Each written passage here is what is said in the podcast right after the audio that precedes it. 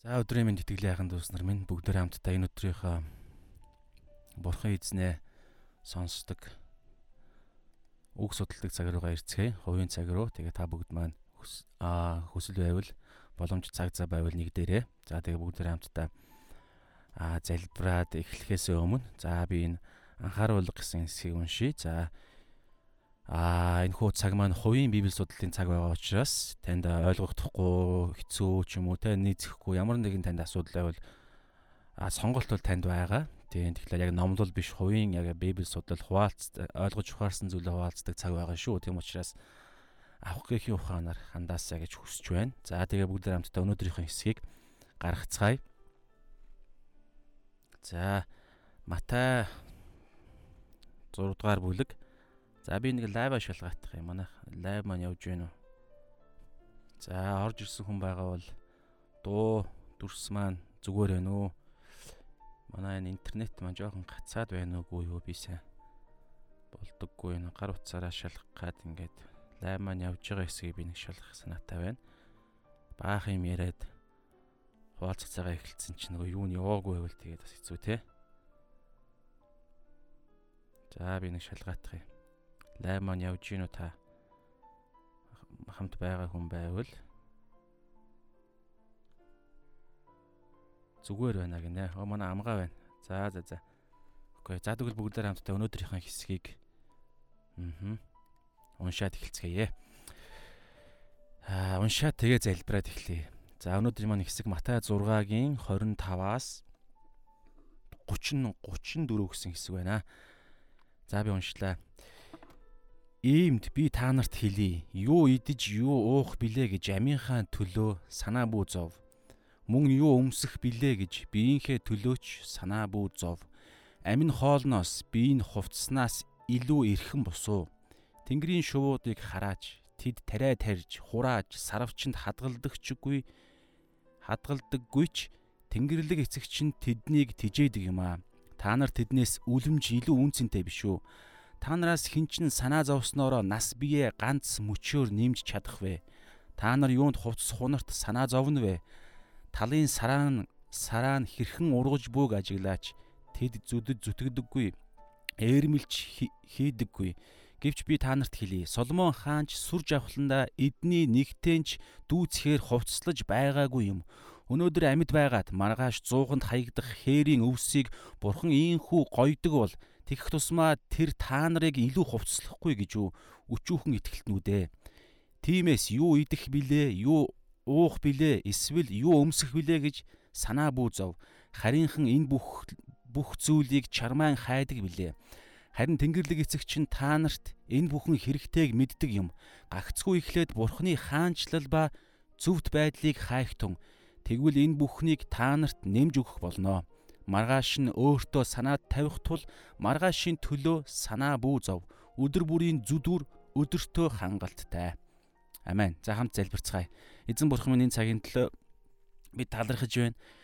Тэгээ эзэн энэ цаг мөчид оюун бодол минь зүрх сэтгэл ариун сүнс танаас илүү төрүүлж ярихыг төрүүлж дүгнэлт хийж төрүүлж эзэн минь дууга хорихыг та бидэнд бүү зөвшөөрөөч эзэн. Яг одоо энэ цаг мөчид бид зөвхөн тань руу хандаж эзэн энэ хэсгээр дамжуулан таны дуу хоолойг л сонсохыг бид хүсэж байна. Тэгээд үүний тулд ч гэсэн зүрх сэтгэлээ сайн хөрс болгож итгэд итгэмжтэй, дуулууртай тань дээр төвлөрсөн тийм нэгэн зүрх сэтгэл байхад та удирдах өгөөч. Бид шийдвэрээ гаргаж байна. Тэгээ энэ цагийн төлөө танд ариун сүнс тань даатхан Есүс Христийн нэрээр Бурхан Аав тань руу хандан залбирч байна. Амен. За тэгэхээр бүгдээ хамтдаа аа за одоохонхоо Аа 6 дугаар бүлэг маань өнөөдөр ингээд өндөрлж байгаа. Тэгэхээр ерөнхийдөө 6 дугаар бүлэг маань ямар шуухан хам сэдв те нэг тийм нөхцөл байдал донд өнөөдрийн сэдв орж ирж байгаа байлээ. Бүгдээрээ санацгаая те. Хамгийн эхлээд За 5 дугаар бүлэг дээр бол та мэдж байгаа те эргээд та харж бахарах боломжтой тэнд.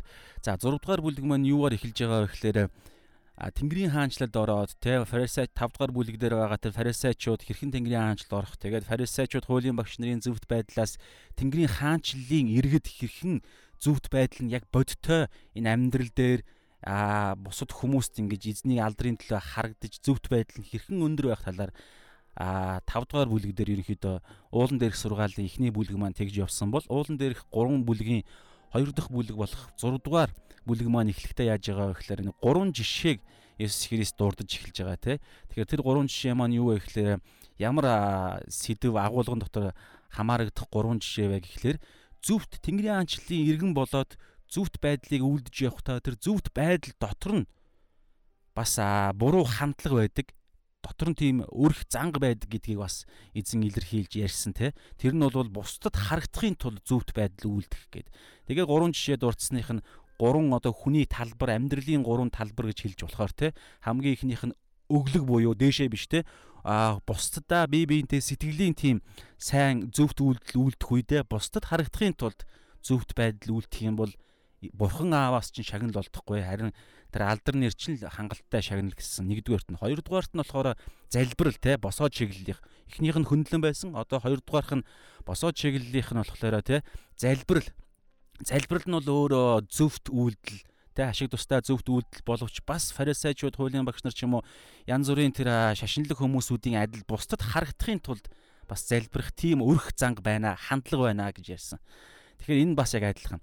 За 3 дугаарт нь болохоор юу байгаа вэ? Мацаг барилт. Хүн төв чиглэлтэй, хөндлөн босоо одоо яг төв чиглэлтэй. Хүн өөрийнхөө мах бодийн одоо мах бодийн зөвхт байдлын төлөөх тэр зөвхт үйлдэлүүдийг хийж явхад бас адилхан бусдад харагдахын тулд үйлддэг тийм өрх занг байдгаа гэж ярьсан те нүрээ бараалгаал би мацаг барьж гин үлсэж гин ядарж гин ч юм уу тэрийг ингэж илэрхийлж тэгснээр ямар мундаг ихтгэлтэй хүн бай гэдэг тийм нэг юм алдар нэрийн төлөө тэр нь шагнал Түүнээс биш эзэн түнд шагнал олдохгүй гэж хэлсэн. Тийм буруу хандлагаар мацаг барих юм бол За ингэж ярьсан. Тэгэнгүүтлээ дараагаар нь ерөнхийдөө ямар том нэг сэдв рүү орж ийн гэж би яг хувьдаа харж байгаа гэхээр одоо юу талдаа одоо эд баялаг хэрэглээ мөнгө санхүү тал дээр одоо энэ дэлхий дээр амьдрахад бидний тэр мөнгөний хэрэглээ ер нь тэр амьдралын хэрэглээ хэрэгцээ гэдэг утгаараа а тэнгэр дэхид баялагийг уржиг дээр ярьсан те? Энэ бол а тэнг газар дээрх эд баялагийг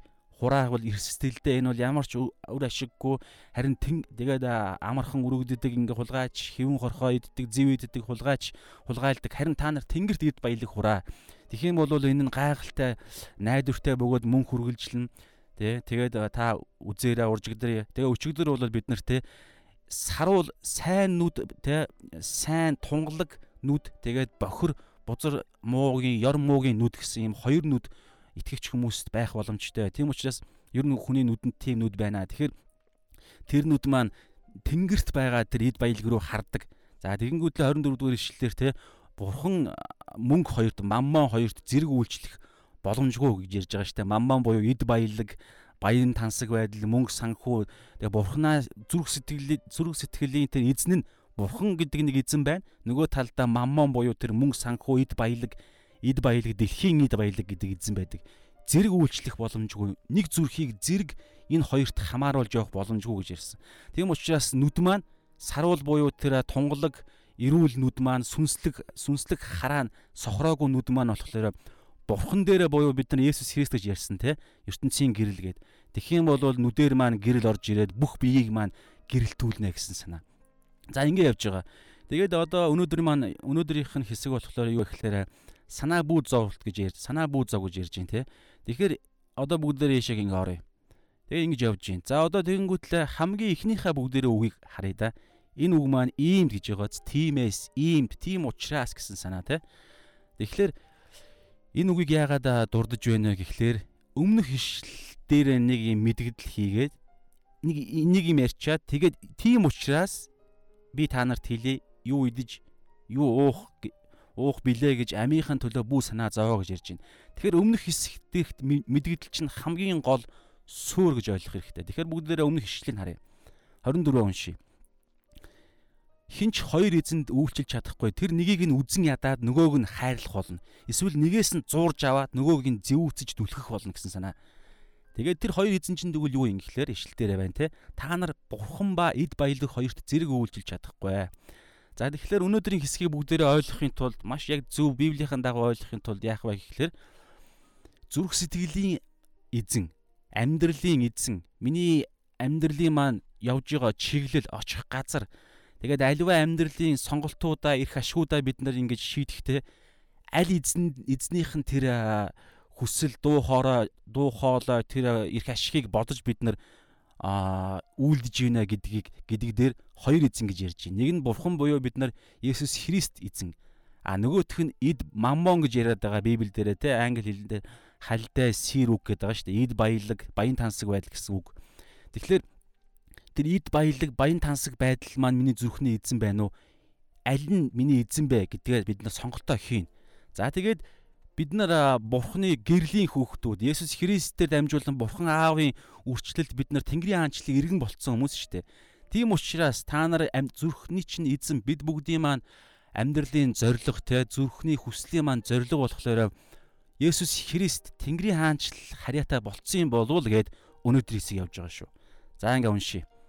Яагаад одоо ингэж Есүс Христ чааш нь ингэж ухаж орж ирж байна вэ гэхээр бид нар маань бид нар өөрсдөө хаана харьяал харьяал харьяатай болсноо ойлгосон мөртлөө тэр харьяалагдсан амьдрал нь ямар амьдрал вэ гэдэгт үргэлжлүүлэн бид нарыг заах дагалдуулах тийм процесс руу одоо орж гинэ гэж бүгдээр ойлгож болно шүү.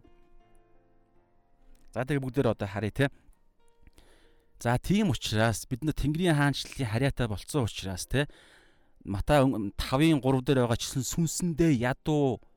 Сүнс маань дангаараа бурхны тэр зөвхт байдалд хүрэх ямар ч боломжгүй гим нүглийн асуудлаа шийдэж чадахгүй хууль бүр Есүс Христийн шин гэрээний тэр хуулиас бүр хуулийн багш фарисеучуд хуулийн багш нараас давуулж биелүүлэх тэр зөвхт байдлыг биелүүлэх нь байтугай.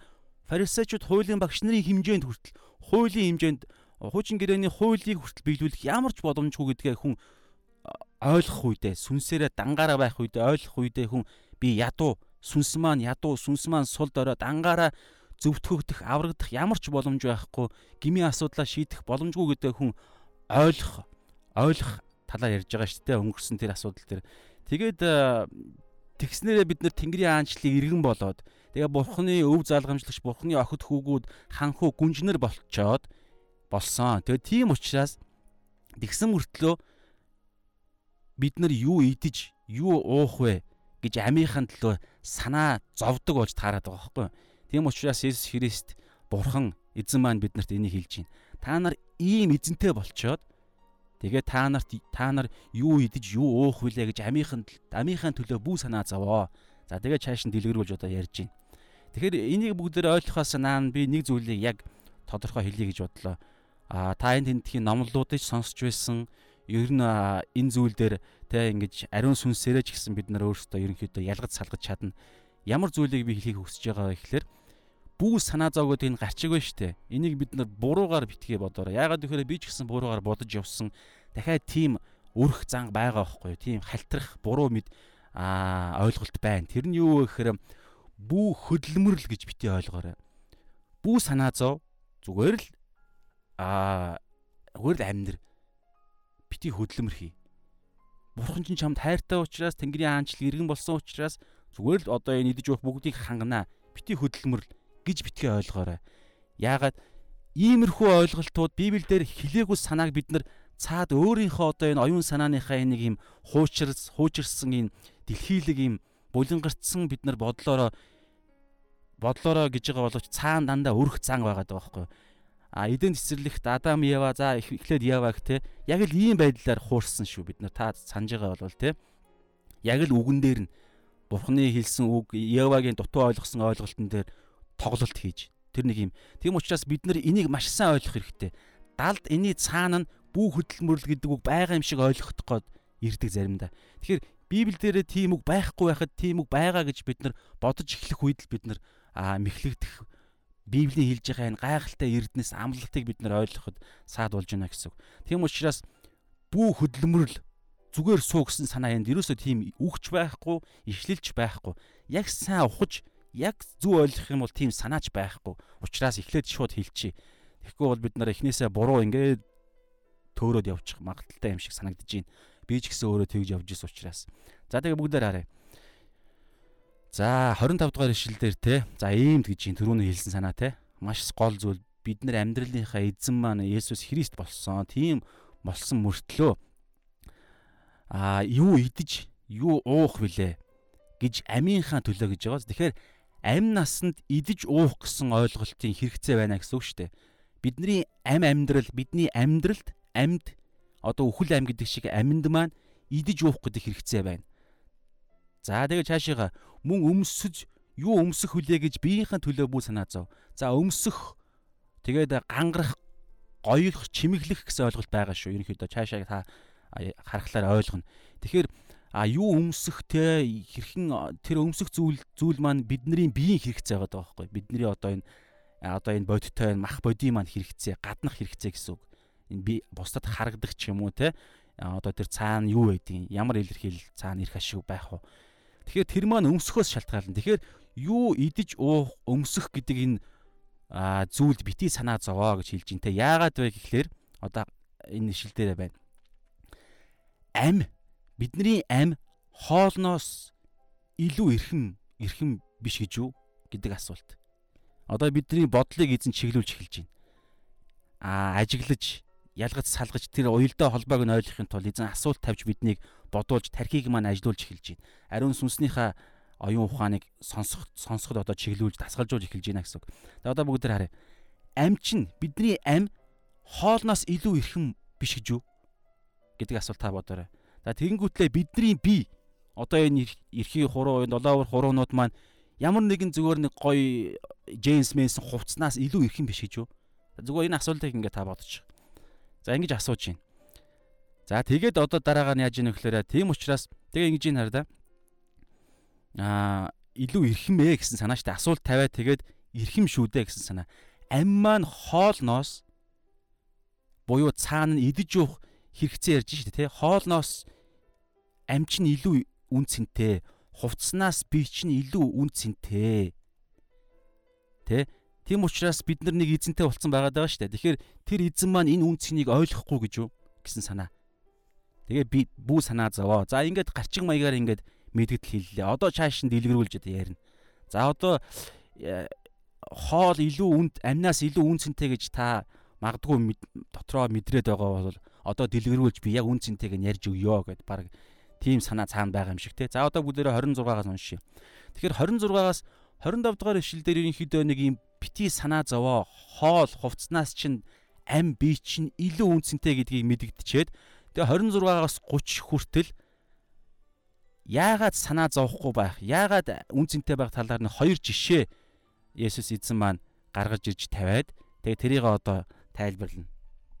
За бүгдээрээ харъя. 26 26 6 дугаар ишлэл дээр шуудыг тэ тэнгэрт нисэх шуудыг Тэнгэрлэг бидний аав хоололдог гэдэг нэг жишээ. Энэ дээр бидний нөгөө нэг идэж уух гэдэг хэрэгцээн дээр эзэн ярьж байна. Та нарын амь наснаас чинь амь нас чинь та нарын хоолноос хамаагүй л үнцэнтэй гэд одоо ярьж байна. Тэгэнгүүтлээ 28-аас 30 дугаар ишлэлээр яаж байгаа вэ гэхээр та нарын өмсөд зүүх чинь би би эргэтнээс чинь өмсөд өмсөд зүүх хувцснаас чинь та нарын би эргэтэн илүү үнцэнтэй гэдэг одоо бас нэг жишээгээр хээрийн сараан цэцэгс гэж байгаа лилигээ те тэр цэцэгсийг бурхан өөрөө гоёж ургуулдаг талаар ийм хоёр жишээ дурдна. Тэгэхээр энэ бидний жишээг ойлгох чааш нь ингээд жоох ухах юм бол дунд нь мэрэгэн ухаан нуугдж байгаа. Бүгдээр одоо харъя. За одоо 26 дугаар ишлэлээ уншия. Энд дээр хар та Тэнгэрийн шуудыг хараач харж ажиглаач гэж байгаа. За яг энэ үгэн дээр ариун сүнстэй ингээд бясалгаж бодох үед надад аа нэг зүйл сануулсан нь хараач, ажиглаач гэдэг үг. За бүгдээрээ энэ сургаалт төгс 1-ийн 20 20-оос 22-ыг бүгдээрээ гаргая. Энэ үг бодогдсон л доо. Тэгээ энийг би тавьсан байгаа юм. За сургаалт төгс 1-р бүлгийн 20-оос 22 дугаар ишлэг. За би уншия. Мэргэн ухааны дуудлага гэдэг нэртэй шүү. Мэргэн ухаан дуудаж ин таныг. За одоо уншия. Гудам гудам гудамд ч мэргэн ухаан хашгирч та дүрслэж бодоорой. Гудамд мэргэн ухаан хашгирж ийн талбайд ч өндөр дуугаар дуугарж байна мэрэгүү ухаан. Олон хөлийн газар орилж байна. Хардаа дандаа гадаа байгаад байгаа шүү. Олон хөлийн газар хаа сайгүй. Тэгээ хотын гулдан хаалганы үүдэнд ч бас үгсээ тэр өгүүлж байна. Юу гэж өгүүлж байна? Гинэн муухаг хүмүүсээ гэсэн үг. Гинэнчүүдээ та нар хидий ботл гиндэл мунхаглалаа хайрлах вэ? хэр удаан басамжлалд басамжллаа багтаж басамжлагсад за хэр удаан басамжлагсад басамжллаа багтаж мунхгүйд мэдлэгийг үзен ятах вэ гэж байна. Мэргүү ухаан за энэ ишлэгийг та бодоорой. Хаа сайгуу гэдэг үг. Эхлээд ингэсэн шүү дээ. За бүгдээр үндсэн ишлээ харъя. 26 дээр Тэнгэрийн шуудыг ажиглаач гэж байна. Ажиглаж хараач. Тэнд мэрэгэн ухаан байна. Тэнд бидний харах ёстой тэнд мэрэгэн ухаан, тэнд үнэн нуугдж байна илчлэл. Тэгэхээр түрүүний сургаалт төгс 1-20 22 дээр те та нэг зүйлийг бодоорой. Бид нар альва зүйлийн талаар нэг юм ангид дотор те сургуульд хичээлийн ангид дотор бид нар суугаад онлайн төвшөнд мэдж болно. Тэр бол мэдлэгийн зөвхөн ихний хэсэг. Тэр нь цаашаага зогсоод ямар ч хэрэггүй байх ч боломжтой. Та бүгдээрээ мэдж байгаа тий. Боловсролын тогтолцоо мөгтөлцөө гэдэг хүний хувь хүний бол а өссөн тэр багын ухаан ухаан гэдэг олон юмнаас хамаараа зогсох боломжтой. Харин мэрэгэн ухаан хаа нуугдж байна гэхээр амьдрал дээр буюу цаавараа би юу хэлэх гээд байгаа энэ цаанаа юу хэлж байгаа вэ гэхээр бурхны өөрийнх нь тэр бүтээсэн бүтээлийн тогтолцоон дотор нь байгалийн тогтолцоон дотор нь өөрийнх нь мэрэгүү ухаан байгаад байгаа байхгүй. Тийм учраас ажиглаж харах хэрэгтэй байгаа юм. Одоо эндээс бурхан одоо Иесус яаж ийнэ гэхээр уг нь эхлээд зүгээр хэлчихэж байгаа байхгүй юу? Та нарын амьд за бид нар зүрхэндээ нэг эзэнтэй болцсон шүү дээ. Бурхан аав мөнгө санхүү биш. Бурхан аав гэдэг эзэнтэй болцсон мөртлөө итгэгчдийн амьдралд ямар а вирус те ямар тийм гажиг гажиг байдал байгаад байгаа вэ гэхээр бурхны бурхан эзэнтэй болцсон мөртлөө бурхан эзэнгүй хүн шиг тийм мундаг эзний дор байхгүй хүн шиг бид нар санаа зовоод байгаа байхгүй өнөөдөр итгэлийн амьдрал дээр юундээ вэ гэхээр арда идэж уух дээр өмсөг зүүх дээр анхан шатны хэрэглээнүүдээр бид нар санаа зовоод байна. Энэ байдлыг бурхан хараад юу гэж харж байгаа вэ гэхээр энд асуудал байгаа байхгүй энд эррор үүсчихсэн вирус орчихсон байгаад байгаа бидний энэ уурга тархинд яагаад вэ гэхээр бид хорвоо ертөнц яаж ажилдгийг хүртэл ойлгохгүй байгаа байхгүй. Тэгэхээр бид нар энэ тогтолцоо хорвоо ертөнцийн тогтолцоог ойлгож ажиллаж харах юм бол тэнд мэрэгүү ухаан байгаа. Тэгээ одоо хардаа энэ хоёр жишээг дурдах юм бол энэ хоёр жишээн дээр нэгэн дээр нь шуу тэнгэрийн шуу байгаа, нэгэн дээр нь хээрийн сараан цэцэг буюу за ер нь э, цэцэгс бүр дараагаа чаашлаад хүмүүстэй харьцуулахдаа бурхан юу гэж хэлж байгаа гэхээр зүгээр л хээрийн өвс гэж хэлж байгаа. Тэгэхээр хээрийн өвс шувуу хоёр биднээс илүү байдалтай байгаа даа байхгүй. Тэднэрт дотор мэрэгүү ухаан өөрсд тэднэрт илүү биднээс илүү мэрэгүү ухаан байна. Итгэгчдээс илүү. Бараг тэгж хэлж байна. Яагаад вэ гэхээр үр дүн нь тэгж харагдаад байгаа байхгүй. Агуу бурхантай болцсон мөртлөө зүгээр шуудаас шуудаас долоон дор бид нар идэж уух юмдаа санаа зовоод байгаа байхгүй. Тийм учраас та нар ажиглж хараач. Энэ хорвоо ертөнц бүтээгч бурхан гэж итгэж итгэж ярьдаг мөртлөө энэ бүтээгт бүдээлийн тогтолцоо яаж ажиллахыг хүртэл та нар ойлгох хэрэгтэй байна. Монхог хүмүүсээ хаасайгу мэрэгүү ухаан байна гэсэн санаа. Хаасайгу ажиглж харж чадах юм бол энэ ерөнхий илчлэлт гэж ярьдаг штеп бүтээлийг. Онцгой илчлэлт нь Есүс Христ буюу Библи. Тэгэхээр ерөнхий илчлэлтээр ингээд хаасайгу орчлын ертөнцийн тэр тогтолцоо харагдаж байгаа. Тэндээс та нар ажиглж хараач гэсэн санаа. Тэгээд 26 дээр харах юм бол Тэнгэрийн шуудыг хараач. За одоо бүгдээр харж ажиглая. Энд мэрэгүү ухааны энэ дурдсан энэ юугаар хэрхэн яаж мэрэгүү ухаан бүгдээрээ олж илрүүлэх вэ харъя бүгдээрээ. За тэнгэрийн шуудыг харъя. За тэд яаж ийн? Тариа тарьдаггүй. За одоо энэ ингээд хардаа хүмүүсийн хийдэг хүмүүстэй одоо харьцуулж эхэлж байгааз. За тэндээс ямар ч сан цаашаа ингээд бүгдээр хамт явъя. Тэд тариа тарьж эхлээд тариагаа тариад хураагаад хурааж аваад те тариа хурааж аваад тэгээд хурааж авсан тариагаа сарвчанд хадгалах тийм хүний энгийн л нэг амьдралын хоолны хөдлөө хийдэг үйлдэл байгааз тэгдэггүй хүмүүс шууна тэгдэггүй мөртлөө хадгалдаггүйч тэнгэрлэг эцэг чинь гэж байгааз тэнгэрлэг эцэг чинь бидэнд хамааруулж байна. Та нарын тэнгэрлэг эцэг чинь энэ тэнгэрт байдаг шуунуудаа тэ та нар шиг ингэж хөдөлмөрөөгөө хөдөлмөрлөдгөө тэр шуу хүртэл тэднийг тижээдэг гэж байгаа сте. Та нар тэднээс үлэмж илүү үнцэнтэй биш үү? За одоо энэ дээр жоохон тогтоод Аа бүгдээрээ бодъё л доо. За түрүү ингээ ажиглаж харах гэсэн. За одоо бүгдээрээ чааш нь ингээ жоохон аа ажигласан зүйлсүүдээ ингэж гаргаж ирээ. Яг одоогийн байдлаар та магадгүй эзэн танд илүү гоё зүйлс ажиглуулах байх те. Ямар ч миний хувьд юу ажигласан бэ гэхээр шууд хардаа байгальдаа итгэдэг. Та зүгээр ажиглаараа. Яг Библиэл дээр та байгалыг нөгөө ажиглаж байгаа тэр шуудын амьдрал донд байгаа мэрэгэн ухааныг бүгдээрээ та санда янз бүрийн баримтд баримтд кино ч юм уу эсвэл ууланд явахдаа ажигласан ч юм уу те янз бүрийн байдлаар та ингээ боддоо шууд юу хийдэг вэ? За яг бид нар шиг ингэж хөдөлмөрлөдөггүй те тариа мараа тарж ингэж юмыг бий болгож талхамаалах те одоо энэ кофе мофег чинь ингэж найруулж майруулад ингэж бөө юм болгодгүй мөртлөө шууд яадаг вүлээ? Би энэ дэр хардаа байгальдаа итгэдэг гэсэн санаа байхгүй. Байгалийн тогтолцоонд байгалаас тэднэрт өгөгддөг нөөцөнд итгэдэг. Итгэдэг гэж юу гэдэг цаанаасаа тэр өөрсдөд нь тийм нэг юм тогтолцоо байгаа. Шууд хардаа ямар нэг юм хийдэггүй мөртлөө шууд та бодорой. Тэд өөрсдийгөө хооллохын тулд өөрсдийгөө хооллохын тулд ангайхнаа ангайхаануудаа хооллохын тулд юу хийдэг вэ? Зүгээр төсөөлье. Би айхтар ажиглаагүй ч гэсэн зүгээр хүн болгон мэдж байгаа шүү дээ. Тэд гараал за нисэх үйлдэл хийн. За эхлээ гарч явна хамгийн гол нь. Нөгөө нэг яриадсан хөдөлмөрлөдөггүй гэсэн санааг чи одоо энд би аа угаасаа байгаа байхгүй. Зүгээр суухгүй мэдээж. Зүгээр суул одоо яг эднэртээ бид нартай биш ээ. Төрөүний буруу ойлголттой адилхан ойлголт болно. Тэгэхээр буруу тэгж ойлгож болохгүй шүү. Шууг хүртэл энэ асуудал яригдаг байгааз. За үүрээсээ гарлаа, нислээ, хайлаа. Хайж байгаа зү. Одоо ингээд л гурван үйлдэл орчиж байгаа зү. Үүрээсээ гараа далавчаа нислээ, нислээ, хайж ийн хөдөлмөр биш ч гэсэн хайгаад байгаа сте. Үйл тэгээд байгаа сте. Ямар нэг юм хөдөлмөр ингэж далуучаараа та ингэж газар мазар ухаад ингэ хурааж мураагаад ингэ ийм хийгээгөө мөртлөө тэд үйлдэлүүдээ хийж байгаа хайж байгаа.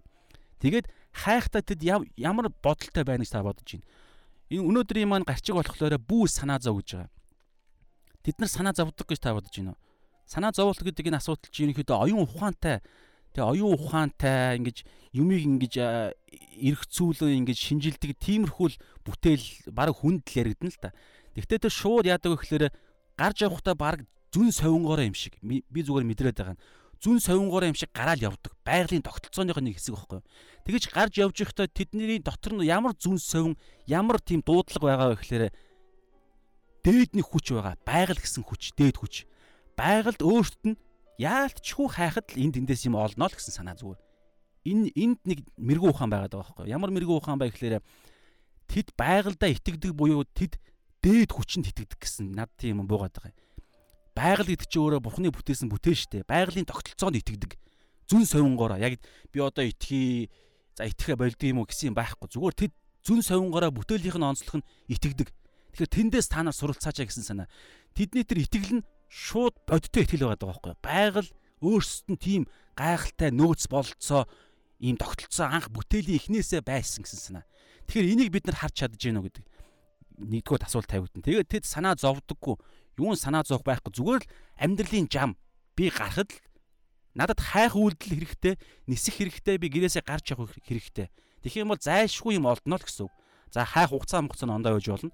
Гэхдээ тэнд санаа зовол байхгүй зүгээр л миний миний оролцоо тэнд заалшгүй зайлшгүй олдогдно. Байгальд өөрсдөд нь нөөц байгаа гэсэн санаа. Тэгэхээр эндээс бид нар ямар мэрэгүү ухаан ойлгож болохоор байна. Бид шууд хардаа байгальд итгэж яхад, байгалийн тогтолцоонд итгэж яхад бид нар түрүү ярьсан бидний бүтээгч зүрх сэтгэлийн маань эзэн хин гэлээ бүтээгч бурхан шүү дээ. Бүтээгч бурхан. Тэр тогтолцоо, шуунуудын тэр итгэдэг тогтолцоог бүтээсэн бурхан байхгүй юу? Тэгээд энэ дээр юу гэж байгаа вэ? А 25 дээр тэнгэрлэг эцэг чинь гэж байгаа зү. Шуудад ингэж хэлэхгүй шүү дээ. Шуудын хувьд байгаль гэсэн юм яригдана. За байгаль ээж мэж гэдээ одоо монголчуудаас ярьдаг те. Тэгэхээр нэг тиймэрхүү ойлголт байгаа. Байгалийн байгаль баг өөрсдийнх нь бурхан юм шиг. Гэтэл бид нар байгалийн тэр нөөц болцоо энэ байгалийн тогтолцоог бүтээсэн бурхан нь бидний эцэг гэж байгаа зү. Тэгэхээр энэ тэгэхээр бид санаа зовдно гэдэг ойлголт энд юу болж хөрж байна? Тийм нэг нөгөө яриад байгаа вирус error чинь тэнд бий болж байгаа байхгүй. Бид яг итгэж гинүү гэдэг асуулт орж иж байна. Тийм учраас бурхан зүгээр нэг шуудаар бид нартай зөөрлөд байгаа байхгүй. Бараг биднийг над зүгээр бодогдож байгаа бодол баг нэг талаараа хичээх гэж байгаа юм шиг. Тэ? Бид бүтээгчд буюу дээд хүчэндээ энэ тогтолцоог бүтээсэн дээд хүч. Тэгээд тэр хайранд итгэж байгаа юм уу гэсэн санаа. Тэгээд шууд шиг тэр шуу шиг тэр үйлдэлээ хийн штэ. Хөдөлмөрлөл нь ямар нэг юм хийж явна. Гэхдээ тэр цаана байгаа тэр санаа зовлтыг яриад байгаа байхгүй. Та санаа зовж исэн бол мэдж байгаа. Би бол айхтар санаа зовдөг хүн хүн байсан гэж би итгэж найдаж байна. Ерөнхийдөө бол би их санаа зовдөг тийм хүн л дээ. Гэхдээ одоо магадгүй байгаа бах. Тийм учраас энэ үг надад маш хэрэгтэй. Юу вэ гэхээр аа би хардаа ер нь ингээд хүү ингэдэг штэ. Өөрөөсөө шалтгааллах юмаа хийгээд өөрөөсөө шалтгааллахгүй амьдралын нэг юм аа нэг юм саадтай амьдралын нэг юм нөхцөл байдалтай тулгарх үед амар хэцүү байдаг те санаа зовдөг штэ. Өөрөөсөө шалтгааллах юмаа хийгээ яваад хахад болоод идэг. Ингээд яг ингээд нэг юм хэцүү үед тулгарх үед хүн санаа зовдөг. Тэгээд тэгээд ингээд тэр үед баг ертөнд сүрж байгаа юм шиг мэдрэмж төрдөг штэ. Гэтэ таны ямар хүнийг би мэдэхгүй л байна л да. Миний хувьд айхтар санаа зовдөг байхгүй. Тийм учраас энэ үг надад бас маш хэрэгтэй. Би ингээд хараа ямар нэг юм болоход санаа зовлт гэдэг юм чинь ингээд хүнийг ингэж яадаг. Итгэл найдварыг хүртэл ингэж а вирус түлдэг. Амар ингээд ертөнд сүнж байгаа юм шиг юм сонир мэдрэмж орж ирдэг. Тэгээд тэр үедээ те одоо ингээд яг сүр итгэл байхгүй бол хүн одоо яах вэ? Тэгэхээр одоо итгэгч биш хүмүүс маань асар харанхуй амьдралаар асар эрсдэлтэй амьдралаар амьдраад байгаа байхгүй. Итгэвч бид нар хүртэл ийм санаа зовлтын өрх зангийн мэхлэл мунхаглал байгаад байгаа байхгүй. Тийм учраас мунхаг байна. Та бүгд ерт байгалыг харал та. Тэ гэж ярьж штэ бурхан те. Тэгээд тэгээд бид бүтээгчтэй итгэдэг юм уу гэсэн санаа. Тэг хэрэг итгэдэг бол одоо та нар санаа зовх уу гэдэг асуулт гарч ирж байна. За бүгдээрээ цаашаа харъя. Тэгээ ийм жишээ одоо эхнийхэн жишээн дээр ингэж ярьчаад Тэгээ одоо 27 дээр нэг гайхалтай нэг зүүн зүүн гинэ тийм нэг юу ярина. Одоо би уялдаа холбоо гэж энэ дээр бол ийм үг гаргаж ирсэн. За одоо бүгдээр уншия. Аа тэгээ 26 дээр гол үг нь штэ. Аа шууд тэгж тариа тарьдаггүй те ингэдэг мөртлөө а яг хүн шиг ингэж айхтар хөдөлмөрлж ингэж те бүр амар тийм өндөр хэмжүүрийг тавьдаггүй мөртлөө шууд зүгээр л а шуудыг бурхан тижээдэг хардаа бурхан тижээдэг гэж байгаа сте. Тэд шууд өөртөөсөө гарах хийх юма хийн гол нөөц нь хаанаас вэ гэхээр шуудынхын өнцгөөс би яхаа бодохоор тэд байгалийн тогтолцоо гэж харах байх гэж би бодож байна. За дотор нь сүнс мүнс гэдэг ойлголт байхгүй гэж би бодож байгаа. Тийм мэдээлэл байгаа учраас яг бурхандаа итгэдэг гэсэн нэг тийм итгэлийн юм ярихдаггүй мэдэхгүй байна. Ямар ч байсан тэд тогтолцоондоо бол итгэнэ. Байгаль гэсэн санаа. За гэтэл бид бол тийм байна. Тэгээд одоо хараа тижээдэг юм а та нар тэднээс шуудаас үлэмж гэж байгаа зү үлэмж илүү үн цэнтэй штэ гэж яриад байна. Шууд ингэж амьдарч яхад та нараас та нар чинь бурхны бурхан та нарыг хүүхдүүдээ болгоод өөрс бурхан өөрийгөө та нарын аав гэж хэлээд тэгэхээр бид нар энэ дэлхий дээр бурхны өв залгамжлагч нар элчин сайдууд амбассадор те элчин сайдууд нь болоод бид Есүс Христийг төлөөлөөд энэ дэлхий дээр амьдарж байгаа хүмүүс шүү дээ. Бид нар яг тэдний бүрэн төлөөлөгч гэрэл давс гэж яриад байгаа тэр төлөөлөгч нар болцсон байхгүй. Ийм байхад та нар яагаад санаа зовно вэ гэж ярьж байна бурхан. За энэ асуултаа бодоорой. Бараг бидний хичээж штэ. Юу яагаад байгаа юм бэ? Хангалттай байж штэ. Юу наад бодолч юусоо буруу бодлоо гэсэн санаа. За тэгэнгүүтлээ бүгд 27 харъя. За одоо бидний санаа зовлтын хүч гэж тийм үнэхэр хүчтэй нэг тийм юм байгаад байгаа юм уу те? Бид санаа зовсноороо нэг юм аа бид санаа зовсноороо бид нэг тийм юм ямар нэгэн санаа зовлтоос үр дүн гарах юм одоо харъя. За 27-г бүдэр уншия. Та нараас хин чин За энэ бол бурхны итгэж хүмүүст ярьж байгаа шүү. Эцэгч нь гэж ярьж байгаа шүү дээ. Тэгээд ийм гэж эхэлж байгаа. Нөгөө аа бурханд үйлчлэхээр сонгогдсон сайн дурын нөгөө боол гэж би өчигдөр ярьсан санаж байгаа бол өөртөө сонголтоороо те бурхандаа итгэсэн. Тэгэхээр тийм та нар маань та нараас гэж ярьж байгаа шүү. Үл итгэгчдийг энэ дээр бол яриагүй. Итгэгчдэд ханд шилдэж хэлж байгаа шүү. Тэгэхээр та нараас хэн чин санаа зовсноороо нас бие.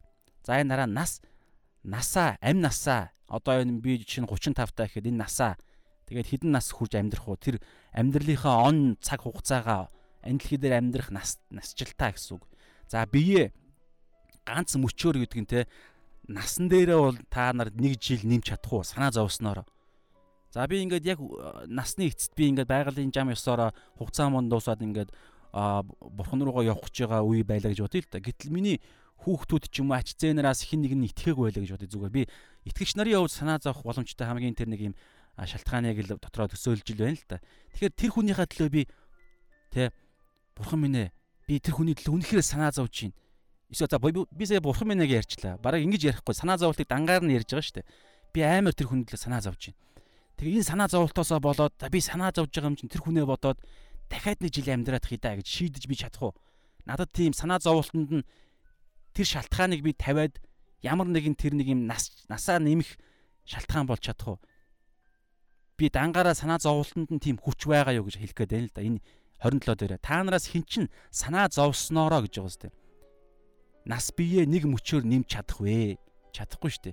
Тэгээ би одоо жишээ нь ингээд те саксны багт орох гэсэн чинь өндөр хүрдэггүй аймаа санаа зовж байна. Би саксны багт орохыг маш их хүсэж байна. Тэгснээрээ дараа нь би амар олон юм төсөөлцсөн маш олон юм. Тэгээд санаа зовж байгаа болохоор санаа дотроо би бодож энэ араа King James дээр болохоор бодох гэсэн утгаар бол байд юм билээ. Яг гоо эртнийх нь эртний King James дээр болохоор.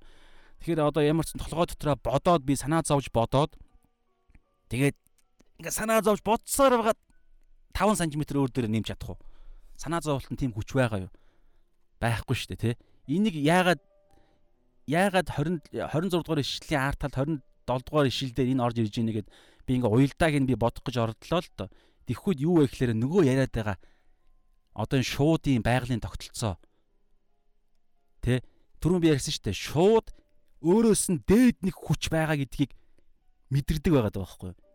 Тэр дээд хүч нь байгаль дэлхийн тэр нөөц, байгаль дэлхийн тогтолцоо тэрэнд итгээд гэрээсээ гардаг байгаад байгаа байхгүй юу? Хэрвээ тэр байгальд нөөцөнд би хайгаад эхлээд би гэрээсээ үүрээсээ би гарлаа тэрл таваад далавчаа дэвэд нислээ энэ сэтэл нь тэг хайж явж байгаа сэтэл нь нэг юмд найдаад байгаа байхгүй юунд вэ цаа тэр нэг юм дээд хүчинд надаас илүү нэг тийм энэ байгаль гэсэн тогтолцоо байгаа тэр байгалийн тогтолцоонд зайлшгүй надад хэрэгтэй үр хүүхдүүд маань ангаахан ангаа ангаахан нарт маань хэрэгтэй тэр хангамж нөөц байгаа гэсэн тэр итгэл тэр найдлага байгаад байгаа хэвээр дээд хүч Хэрвээ миний дээр хүч байхгүй бол хүн хүнд найдах уу? Энд харт толгоонд найдах байхгүй? Тэгэхээр хүмүүс яг ийм байдал үүсчээд байгаа. Энэ дэлхий дээр биднээс дээд хүч байхгүй гэж бодох үед хүн хүмүүс яах вэ гэхлээр өөрсдийнхээ харт хархиндаа л найдана. Бурхан гэж байхгүй гэдэг хүмүүс байгаа шүү дээ. Бурхан гэж байхгүй хүн бол энэ дэлхий дээрх бурхан, энэ дэлхий дээр хүнээс өөр дээд төрөл гэж байхгүй гэж ярина. Тэгээд ирэхээр хүн өөрөө л өөрсдийнхөө төлөө энэ дэлхий дээр аа тэр санаа зовж ингэж явах хэрэгтэй гэсэн санаа. Харин итгэгчид уг нь дээрээ байгаа бурхнаа олж хараад эзнээ болгоод дээрээ нэг хүч байгаа гэдгийг олж мэдсэн мөртлөө өмнөх тэр би хамгийн дээд хүч миний дээр ямар нэгэн хүч байхгүй гэж боддог үеийн тэр оюун бодлын тэр бодол дотроо яваад байгаа байхгүй. Гэтэл бид шуудаас тэр суралцах ухаан юу вэ гэхээр бидний дээр нэг юм нөөц байгаа, нөөц бололцоо. Дээд хүч байгаа. Тэр нь юу вэ? Яаж баталж гин? Харал та энэ нас нас он цаг хугацааны нас хин биднээс биднээс хамааралтай юм уу? Үгүй шүү дээ. Дээд нэг хүч байна шүү дээ. Би хичнээн хар толгоондоо найдаад тэгээ би одоо амьдралынхаа эзэн дээр ямар ч хүч байхгүй би хамгийн дээд хүч гэх юм бол би насаад үгд нас хэдэн жил амьдрах нь надаас хамаарах хэрэгтэй үг нь бол гэтэл хэдэн жил амьдрах нь надаас хамаарахгүй шүү дээ. Дээр нэг өөр хүч байгаа шүү дээ. Тэр нь юу юм? Бидний эзэн шүү дээ. Тийм учраас санаа бид нэр зовж байгаа чинь бид нар ямар ч хэрэггүй юм хийж байгаа байхгүй. Тэгээ энэ санаа зовлтод бид нарыг бүр вирустуулж хохироод а ивэл ирүүл авахд цаад болоод байгаа байхгүй. Тийм учраас санаа зовлт гэдэг энэ зүйл чинь итгэлийн амьдралын маш заавал энийг шийдэх ёстой асуудал учраас Есүс уулан дээрх сургаал дээр ярьж байна. За би би маань хүртэл биднээс ямар ч хамааралгүйгээр өсөх ёстой хэмжээндээ хүрээл өснө. Зогсон нэг бол нэг үл чаашаа өснө. Энэ биднээс хамааралгүй. Байгалийнхаа жамаараа энэ тогтцоороо ингэж явна. Эсвэл би одоо юу гэдیں۔ Аа царай мариага за би царайндаа дургу байлаа гэж бодъё. Тэгэхээр те одоо юу гэдیں۔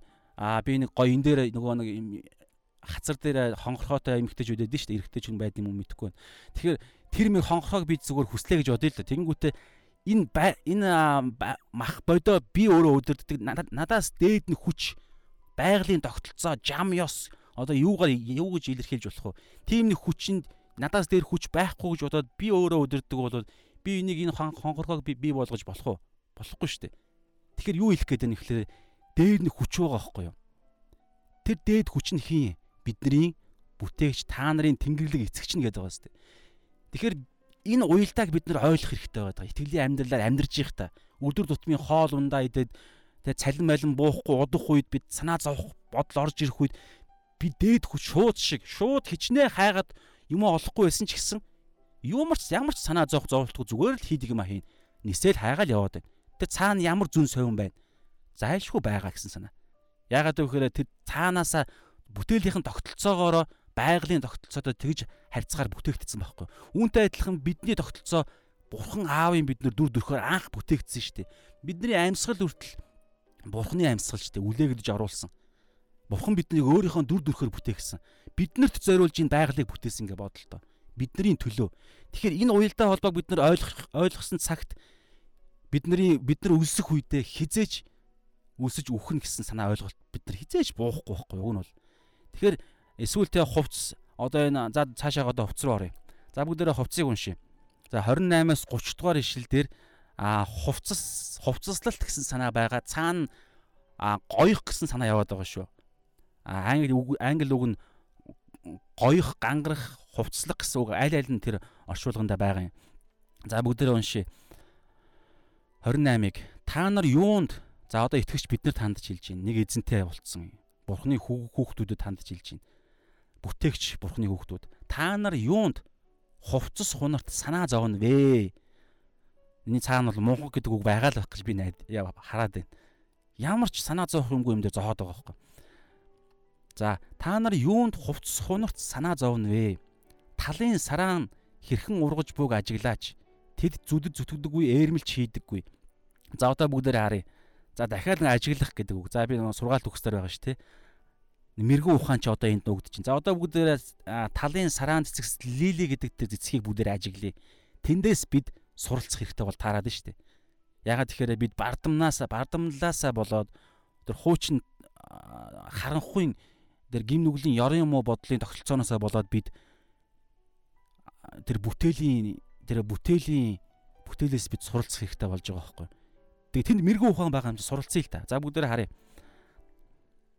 За талын сараан цэцэг хэрхэн ургаж бүг ажиглаач. За одоо хэрхэн ургаж байгаа тэр процессыг ажиглая бүгдээрээ. Тэд зүдэд зүтгэдэггүй. Тэнд энэ англи хэл дээр үгэн дээр бол хөдөлмөрлөдөггүй гэж гэдэг байгаа юм. Зүдэд хөдөлмөр хийдэггүй. Тэгээд ээрмэл э, хувцсаа одоо энэ хувцс ярьж байгаа шүү дээ. Хувцсаа хийж хөдөлмөрлөж хийдэггүй мөртлөө гэвч би та нарт хэлье.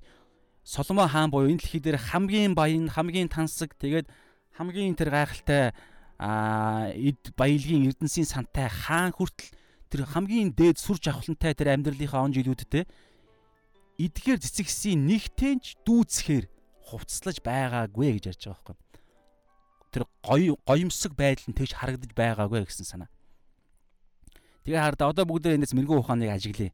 За тэр цараан цэцэгс, талын цараан цэцэгс тэд гоё харагдахын тулд хардаа гоё харагдахын тулд өөрсдөө хувц өөрөө өөрсдийгөө өөрсдийгөө хувцлахын тулд тэд юу хийдэг вэ? Юу ч хийдэггүй байхгүй. Юу ч хийдэггүй. Энд нэг мэрэгүү ухаан байгаа. Тэд харагдахын тулд ажилдаггүй, өөрсдийгөө тэр хувц ээрмэл ээрж чимгэлдэггүй. Тэд харин юу хийдэг вэ? Тэд зүгээр л ургадаг. Зүгээр л үндэстэйгээ холбоотой байдаг. Энэ ахсар гой далд далд гэх нь хашаа тий угаас илт хот байгаа тэр амьдралын тэр жицэг дунд цаана тийм мэрэгэн ухаан нуугдж исэн байгаа байхгүй нуугдах биш өөрөө түрүүн сургаалт өгс нэгийн 20-оос 22 дээр байсан шүү дээ. Хаасаагүй мэрэгэн ухаан орилж ийн гэсэн шүү дээ. Намайг хараач ээ энд зүй тогтол уялдаа холбоо байна. Энд ертөнцийн цаана үнэн нуугдж ийн үнэн байна. Над руу хараа жоохон ажиглаач ээ. Намайг сонсооч ээ. Та сургаалт өгс. 1-р бүлгийн 20-оос 22 ер нь 20-ыг цааш нь уншаарай. 20-оос цаашаа Тэгэхээр хардаа тэд юу хийж гинэ гэхээр зүгээр л тэд одоо яг цэцгийнх нь өнцгөөс бодохоор тэд зүгээр л нэгдүгээр тэд байгальтайгаа хөрстөөгөө холбоотой байна. Тэгээд хоёрдугаар тэд зүгээр л эзэмдүүлж байгаа байхгүй юу? Зүгээр л өөртөө даатгаад ургаж байгаа гэсэн санаа. Өөрөөрөө байна гэсэн санаа. Зүгээр л тэр байгалийн жам ёс нар тэр тогтолцоонд итгээд зүгээр л ургаж байгаа гэсэн санаа шүү. Тэгэхэд л хангалттай тэр энэ дэлхийн тэр заавал Соломон шиг эд баялан байх баян байх шаардлагагүй олон их нэртэй байх шаардлагагүй эд баялагтай байх шаардлагагүй. Гэхдээ энд юу ярьж ин та одоо бодоорой. Жохон ойлгохгүй ч магадгүй. Учираас одоо та нэг зүйлийг асууя бүгд гаргаж ирээ. Тэгвэл та ойлгоно. Гоёх талаар яриад байгаа шүү. Одоо энэ дээр та хардаа аа 28 29 дээр гівч би та нарт хэлье. За 20 30-ыг уншия. Одоо бүгдээрээ 30-ыг уншия. Өнөөдөр амьд байгаад маргааш 100-нд хаягдах хээрийн өвсийг заавчлаарай. хээрийн өвсийг бурхан ийхүү гойдог гэж байгаа сте. Гойдог бол дэх тусмаа тэр та нарыг илүү хувцлахгүй гэж юу? Өчүүхэн итгэлтнүүдээ гэж зэмлэж гин те. Тэгэхээр хардаа энэ дээр бол яг нөгөө нэг юу гэдгийг даарах даарахгүй байхын тулд хувцслах гэсэн санаагаас арай өөр санаа байгаад байгаа байхгүй. Одоо энэ хамгийн ихнийхээ ишлэлээр та нар юу өмсөх вүлээ гэж бүү санаа зовгодог энэ өмсөх гэдэг энэ үг энэ хардаа санаа санаа зовлтонд хүргээд байгаа тэр нэг юм сэтэл нь та одоо анзаарах юм бол одоогийн хүн төрөлхтний одоогийн нийгэмд бүр илүү байгаа. Даарахгүй тул хувцслах гэдэг тэр юмнаас бүр хувцлалтын тэр одоо зорилго нь бүр давчаад байгаа байхгүй. Даваад илүү гангарах, илүү хувцлалт хувцлалтанд брэнд болох, илүү одоо өөрийг нь тодорхойлох.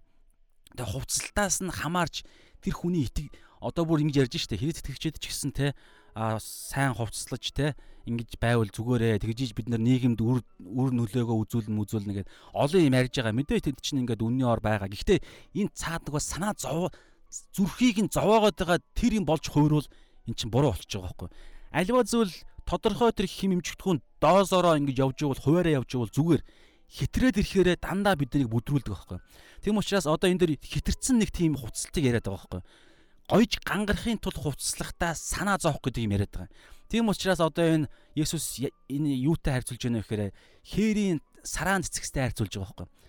Сараан цэцэгс чинь тэр гой ганган байдал нь тэд хизээч брэнд мэрэнд хайж те тэд хөдөлмөрлөж ингэж мөнгө төгрөг цуглуулснараа тэр хувцас нь авч тийм брэнд одоо ямар брэнд байдэн тэр брэндийн хувцсыг би авснараа өөрийгөө илэрхийлэн тэгснээрээ би Есүс Христийг энэ дэлхий дээр харуулхад хэрэгтэй нөлөө болно молно гэд тийм юусо боддгоо. Тэд юу хийдэг вэ гэхээр зүгээр л үндэстэйгээ холбоотой байдаг өөрөөрөө байдаг. Зүгээр л эзэмдүүлдэг эзэнд. Тэгэхээр энд цаана мэрэгүү ухаан байгаа гэж хэлээд байгаа чинь тэр юу вэ гэхлээр одоо бүгд дээр харъя л та. Аа тэд зүгээр ургадаг те тансаг хүнээс илүү гоёмсог харагддаг гэж 29 дээр байсан. За одоо 30 дээр болохоор бурхан за одоо эндээс анзаараарай. Бурхан хүүхдээ хүүхдүүдээ өвснөөс илүү хувцсалдаг. Хувцлах нь тодорхой биш гэж юу? Өвсөнд ямар ч одоо бүгд 30 дээр байгаа шүү дээ. Бүгд 30 дуустал уншия. Аа тэ өнөөдөр яг бодиттой ангиж амар тансаг бүр солонгоо энэ дэлхийн хамгийн тансаг хүнээс илүү тэр брэнд мэрэнд хуц өмссөн тэр зориг морлого нь хамаа байхгүй өөрөөсөөгөө зориг морлогоо тавиад ингэж амар тансаг харагдаж байгаа нэгнээс ганцхан өдөр амьдрал маргааш а энэ 100-нд орох тийм 100-нд ороод зөвхөн шатаагдаал ингээл хүний хэрэглээ болол явах тийм л зоригтой газраас ургадаг цэцэг хамаагүй илүү гой гоёмсаг тансаг харагдаж байгаа байхгүй харагдаж байгаа ганган ганган харагдаж байгаа. Яагаад гэж тэд зүгээр л бурхныхаа а ургуулж байгаа тэр бурхныхаа тогтолцоондоо итгэл эзэмдүүлж байгаа. Эндээс та нар суралцаачаа гэж ярьж байна. Та нар 100-нд хаягдахын өвснөөс та нар илүү үнцэнтэй биш ижүү гэж эзэн биднэрт хэлж байна. Тэгвэл яах эзэн бидэнд гоё хувц өгөөд байх юм уу гэсэн санаа. Хувцсны гоё брэнд брэндтэй тийм танил итгэж хүмүүсүүдэд эзэн холбох юм уу? Үгүй. Юу вэ гэхээр жинхэнэ гангарах гангар итгэж хүний ер нь хүмүүсүүдийн гангараа итгэвч биш хүн дээр ч гэсэн ялгаа байхгүй. Тэр хүний ганган байдал нь хаанаас юм гэхээр өөр өөрө байгаа цагт нэгдүгээрт. Хоёрдугаарт анх бүтээгдсэн тэр хувь тавилантайгаа нэгдсэн үндэстэйгээ холбогдсон буюу энэ дэлхий дээр ирсэн дуудлага хувь тавилантайгаа холбогдсон тэр нэгэн буюу итгэж хүмүүс байхгүй бид нар чинь. Тэг жинхэнэ итгэж хүнийг яриад нь шүү дээ. Ийм мөртлөө итгэдэг бурхандаа итгэдэггүй итгэгч нар бол тэгж гангарч чадахгүй болж таарад байгаа байхгүй. Тийм учраас та нар ганган харагдахыг хүсч ивэл та нар буруу аргаар яваад байна. Дэлхийн хүмүүстэй адилхан та нар буруу яваад байна. Зүгээр ингэж та нар зүгээр надад эзэмдүүл гэсэн санаа. Ариун сүнсэнд эзэмдүүл. Зүгээр л а шин гэрээний Есүс Христийн төгс болгож бидэнд бэлгэлж өгсөн тэр нэг хувь тавилан тэр сүнслэг гайхалтай зүйлийг аваад тэрэнд эзэмдүүлээд зүгээр л урга гэж байгаа байхгүй зүгээр л урга тэгэл үндэстэйгээ холбоотой бай буюу тэр хувь тавилан дуудлага тэр Матай 28-ын 18-аас 20 байгаа шүү дээ тий. Христ итгэгчдийн дуудлага агуу захирамж дуудлага байгаа. Тэр дуудлагатайгаа холбогдоод ариун сүнсээрээ өдр болгон амьсгалаад ариун сүнсээрээ амьдрахыг нь ариун сүнсэндээ даатгаал ингээл ийм хаанчлалын тогтолцоогоор ингээд ураг гэж байгаа байхгүй. Тэгэх юм бол ямар ч хувцс байх нь хамаа байхгүй. Та нар дотроосоо гэрэлтэж эхэлнэ. Ариун сүнс тэ би бол ертөнцийн гэрэл гэж өчтөр үзсэн тэ Есүс өөрийгөө. Тэгэхээр тэр ертөнцийн жинхэнэ гэрэл харанхуй дотор явдаггүй намайг дагдаг хүн харанхуй дотор явахгүй гэж байгаа шүү дээ. Тэр нэгэн ертөнцийн гэрлийн сүнс нь бидний дотор байгаа учраас бидний дотроос гэрэлтэж эхэлнэ. Ийм санаа ирж байна. А түүнээсээ зүгээр нэг юм даахгүй тул хувцс өмсөх гэдэг үгээр бол миний бодлоор энэ хүн санаа зовдөггүй шүү дээ. Та боддоо бидний таны герт хаасайгу хэртэй мэртэй тэгээ загвар нь хуучсан асар олон хувцс байгаа. Бид нар даарна гэдэг юм ярихгүй. Энд ямар юм ярьж байгаа нөхөр гангарах юм яриад байгаа байхгүй. Гангарах, гоё харагдах, тэгээ намайг илэрхийлэх, тэгээ миний нэр алдар энэ хувцснаас хамаарат байгаа чинь энэ нөгөө яриад байгаа энэ өчүүхэн итгэлтнүүдээ болчихж байгаа байхгүй бид нар. Ийм өчүүхэн болчихж байгаа юм. Нөгөө нэг эзэн нь мамон мамоноор бид нар та нар бурхан бурхан ба эд баялаг буюу англи дээр мамон эд баялаг гэсэн санаа. Эд баялагт бид нар үйлчилж байгаа хүмүүс ч л тэгнэ. Өчүүхэн итгэл байтгаа өчүүхэн баг өхмөл хүмүүс шүү дээ.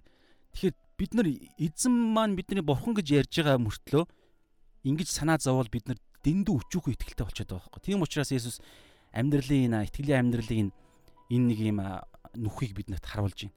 За тэгээ бүгдээрээ цаашаа харъя. Аа тийм учраас те бидний үндэс бол те бидний үндэс бол аавтайгаа л холбоотой байх. Бурхан аавтайгаа яаж холбогдох юм?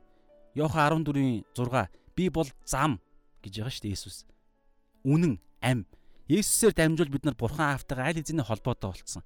Тэг яг тэр холбоотой тэр цусны тэр эргэлтэн судсаар дамжин суц судсаар дамжин цус гүйдэг шиг тэр амируу зүрх рүү а цус судсаар дамжин гүйдэг шиг тэр судс нь хин гэхлээр ариун Есүс тэгээд яг гүйж байгаа тэр одоо юу гэдэг тэр цус нь гэдэг юм уу тэр юу хин юм бэ гэхлээр а за одоо эсрэгээр байж магадгүй ариун сүнс байгаад байгаа байхгүй ариун сүнсээр дамжиж тэр Есүс Христийн тэр ам би бол зам үнэн ам гэдэг байгаа шүү тэгэхээр тэр ам нь магадгүй цус а судсыг нь ариун сүнс гэж ойлгож болох байх.